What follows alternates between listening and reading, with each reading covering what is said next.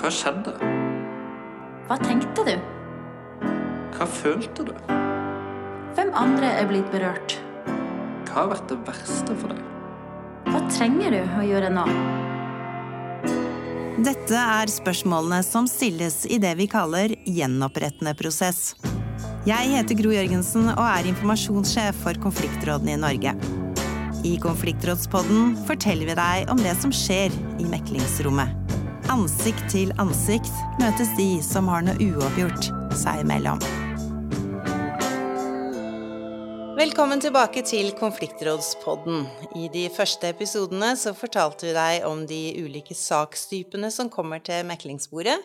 Du fikk eksempler på konflikter innenfor vold, nabokonflikter, mobbing, vold i nære relasjoner og tyveri, og hvordan erfarne meklere jobber med slike saker.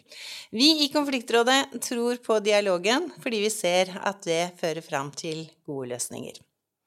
I de neste episodene som vi nå er i gang med, så får du i tillegg til stemme fra konfliktrådet også møte andre som har erfaring fra meklingsrommet, enten det er eh, politiet, butikksjefen eller voldsutøveren, eller kanskje ungdommen som fikk ungdomsstraff, eller andre.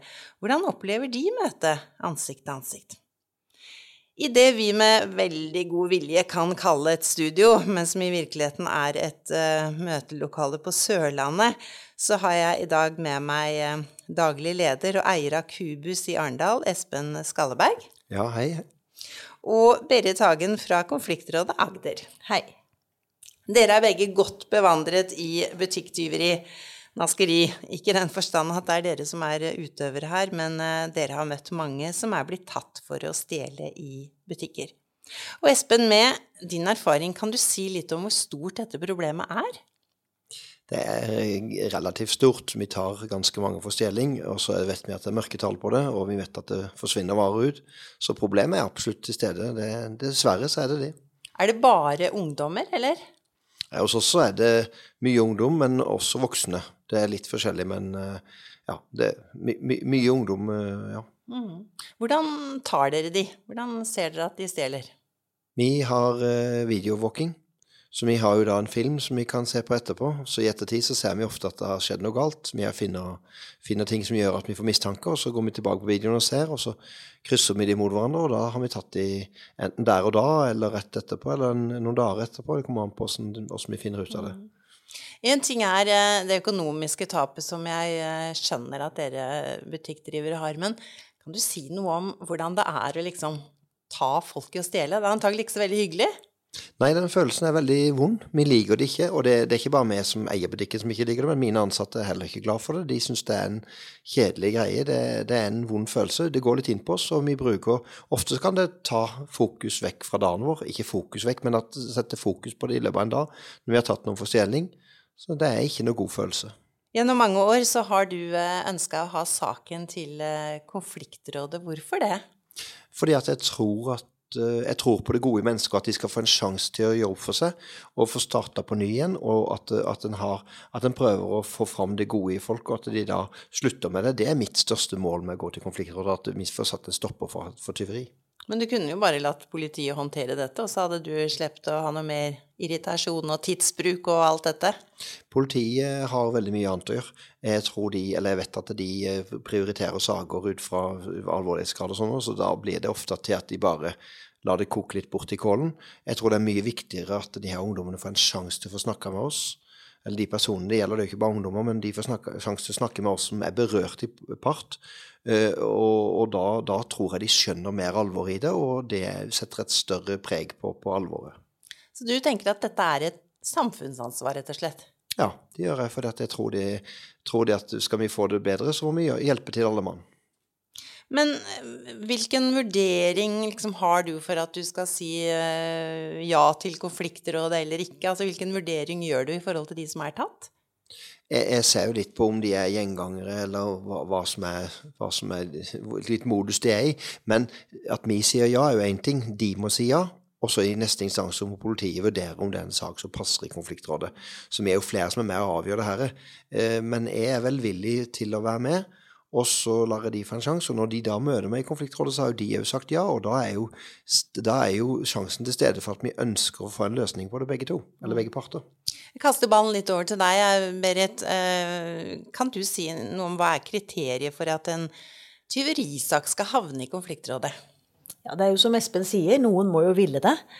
Eh, Espen vil alltid. Så politiet han anmelder disse sakene, disse mindre tyverisakene, naskerisakene. Og så spør politiet da ungdommen om den vil møte. Og så sier ungdommen med verge også som regel ja. Og da får vi det som en straffesak hvis ungdommen er over 15 år. Og hvis ungdommen er under 15 år, så henlegger jo politiet det, for det er strafferettslig alder, det er jo 15 år i Norge. Men de kan også komme til konfliktrådet. Da takker de ja, men da er det ikke en straffesak. Men hva gjør konfliktrådet rent praktisk, da, når saken har kommet og samtykket er innhenta? Når alt det er i orden, da sender jeg den til en megler. Og konfliktrådet, vi har jo meglere der folk bor. Så vi sender den til der som Er det i Arendal, er det i Grimstad, her i Agder eller i Lillesand eller Kristiansand, så sender vi det til en megler som er megler i det distriktet. Og da er det megleren som kontakter Espen for å avtale tid. Han har vært en av gjengangerne våre, så han trenger ikke eh, ha så mye formøte. Men så har vi formøte med verge og ungdommen for å trygge den ungdommen og vise hva vi er for noe i konfliktrådet, hva som vil skje. Mm.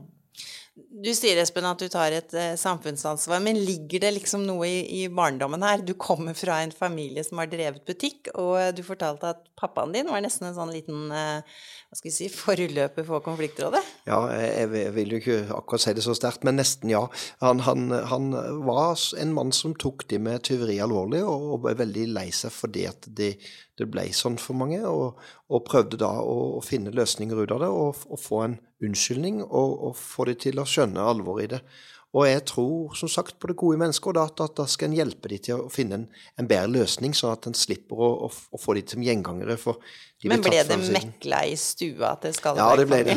Absolutt. absolutt. Vi fikk ofte beskjed om at i kveld kommer det, eller nå kommer hun eller den eller de som skal snakke om denne saken, så nå må dere holde dere på kjøkkenet eller holde dere unna. Og, så, og det gjorde vi, og så ble det mekla. Og min far tok det her veldig seriøst og, og syntes ofte det var vanskelig, men, men, han ville prøve å hjelpe til en, en bedre løsning av saken. Men dagens uh, møter, da, som du ofte er involvert i, kan du si litt om hva, ut fra ditt synspunkt, hva skjer i det møtet? Møtene kommer jo da gjerne lenge etter at saken har vært uh, Altså at de er blitt tatt, så kommer vi møtet opp i konfliktrådet. Så i sånne møter så er jo det viktigste det er å møtes og så se hverandre i øynene og, og, finne ut om det er noe anger, om det er noe vilje til å, forbedre seg. Og det er det jo 99 av gangene. Jeg tror det er én gang jeg ikke har skrevet en avtale. Men da, når en møtes, da, så tar en hverandre i hendene, hilser på hverandre, oppfører seg pent. Det er ikke et møte for å være sinna. Det er et møte for forsoning, og et møte for å få en forståelse for problematikken begge veier. Så det tror jeg er viktigst her, at en, at en skjønner hverandre og ser hverandre. Og så, så sier en at nå må en sette en strek. Og jeg er nøye med det at en må sette en strek òg, for en skal ikke drive og, og bringe det til torgs hjemme uh, hele tida. En må, må bli ferdig med det. Men Berit, eh, altså her eh, i disse møtene her, da, så sitter det da altså en, eh, en butikksjef og en eh, ungdom, og de kan liksom umulig være likeverdige. Hvordan jobber eh, konfliktrådet for å få til et, eh, et, et, møte som er godt for begge to, og hvor de begge to har en god rolle? Ja, og jeg tenker jo at de forsamtalene, konfliktrådsmegleren og konfliktrådet, også administrasjonen, vi er ofte i kontakt med partene, vi også, før de kommer til meglingsmøte, og før megleren får kontakt med dem. Jeg tenker at den måten å trygge på, å fortelle hva er verdien og hva er kjernen i konfliktrådsarbeidet, er utrolig viktig. Så selv om eh, Espen her er høy og stor, så, og en ungdom kan være liten og sped, så kan det oppleves som likeverdige parter. De er kommet hit for å finne et felles mål. Den ungdommen skal ta ansvar for noe han har gjort. Espen er villig til å ta imot. Og da på den måten, med respekt, vise partene, så tenker jeg at partene er likeverdige. Og det jobber meglerne daglig med. Det er akkurat å trygge dette rommet så det skal bli et så godt møte som mulig. Ja, fordi vi sier jo i konfliktrådet at man ikke skal møte den derre pekefingeren når du kommer i møte. Ja, nei, vi møter ikke. Jeg har respekt for partene, om det er en voldssak, om det er en tyverisak, om det er en skadeverkssak. Jeg har jo ikke respekt for det de har gjort. Men jeg har respekt for at de ønsker å komme her til oss og faktisk ta ansvar for det de har gjort. Det er jo det jeg har respekt for. Men Espen, møter du Altså jeg tenker litt på stemningen i møtet. Møter du en angrende synder, eller møter du de som er litt tøffe i trynet? Nei. Møter jo 99 angrende. Da må man huske på at de velger å komme sjøl, og da ønsker de jo å bli ferdig med saken. Ofte veldig uh, satt ut av situasjonen, av stemningen, uh, sånn um, umiddelbart, fordi de har grua seg så. Men jeg tror de opplever ganske fort at det er ikke så mye å grue seg til. og De opplever det faktisk som et veldig godt møte. Og det med pekefinger de har ingen fått, det for, ingenting for seg der og da. De kan ha møtt meg tidligere hvor jeg har vært ganske sinna, irritert, uh, satt ting uh, ganske klart ifra. Men de møter meg da i en helt annen modus, hvor vi ønsker å komme til en avtale om at dette skal vi slutte med. Berit sier jo her at du er en sånn gjenganger i, i konfliktrådet, uh, og du er altså butikksjef da i en, eh, i en Kubus-butikk her i Arendal. Men har du nå en sånn fast strategi for hvordan du legger det opp, eller ser du an hvert møte, hvert tilfelle, hver ungdom? Jeg har jo litt, det, blir, altså det blir litt sånn gjentakelse, selvfølgelig, men, men, på samme tid så ser jeg det jo an. For jeg vil jo at de skal vise anger, og det kan ikke jeg påtvinge dem. Det må de sjøl finne ut av. Og gjør det ikke det Jeg har som sagt en sak hvor jeg ikke skrev noen avtale fordi jeg følte ikke det var reelt. Og da ble det veldig dumt. Jeg følte det var veldig kjedelig når jeg gikk hjem og ikke kunne komme til en avtale, som jeg normalt gjør. Men i, i nesten 100% av sakene mine, så, eller de som vi har, så kommer vi til gode avtaler. Og det er jo megleren med på å hjelpe til med. Samme som, som uh, den som, uh, som, sitter som anklagd i saken, eller som skal, som skal få en avtale. I underkant av 600 saker kommer til konfliktrådet i løpet av året, og da snakker vi om på, eh, på landsplan. På hvilken måte kan vi si at eh, denne type saker egner seg for konfliktrådet, Berit? Ja, De egner seg veldig. Meglerne mine i Agder her i hvert fall, de er glad for naskerisakene som kommer. De mener at hvis vi tenker at det å komme i konfliktrådet skal ha en forebyggende effekt, så mener de at naskerisakene er der. Det er ungdom som tidlig i en karriere har lyst til å teste seg ut. Eller de er blitt påvirket av ungdomsgjengene det er litt sånn kult. Det har gått litt sånn farsott i dette her. Det er enkelt å stjele. Du blir ikke tatt. Du må stjele for å være med her i denne ungdomsgjengen. Eh, det er forskjellige grunner til at ungdom stjeler. Og når de da blir tatt, så har de De fleste da slutter. Det ser vi. Og de sier det selv også. Så at, det, at maskerisaker Du har testa deg ut, du har gjort noe gærent, og så slutter du. Mm. Da er det forebyggende for videre kriminell atferd. Så du er ganske sikker på at de slutter, altså? Jeg er ganske sikker på at de slutter, selv om en kan ikke se inn i glasskula uansett. Men jeg syns at det ungdommen sier, det har jeg tro på. Og de sier det sjøl. Så har dere begge to nevnt dette med avtaler. Eh, og i konfliktrådet så har vi tre typer eh, avtaler. Altså vi snakker om en arbeidsavtale, vi snakker om en økonomisk erstatningsavtale, og vi snakker om en forsoningsavtale. Kan du si litt mer, Berit, eh, om innholdet i disse her? Ja, en forsoningsavtale, det er en sånn unnskyld-avtale. Og da er det ikke bare sånn som en sier til ungene 'nå må du si unnskyld', da. Det er på en måte Espen nevnte det, det at du ser at ungdommen viser en anger. Viser en medfølelse at 'dette her, nå angrer jeg på det jeg har gjort'.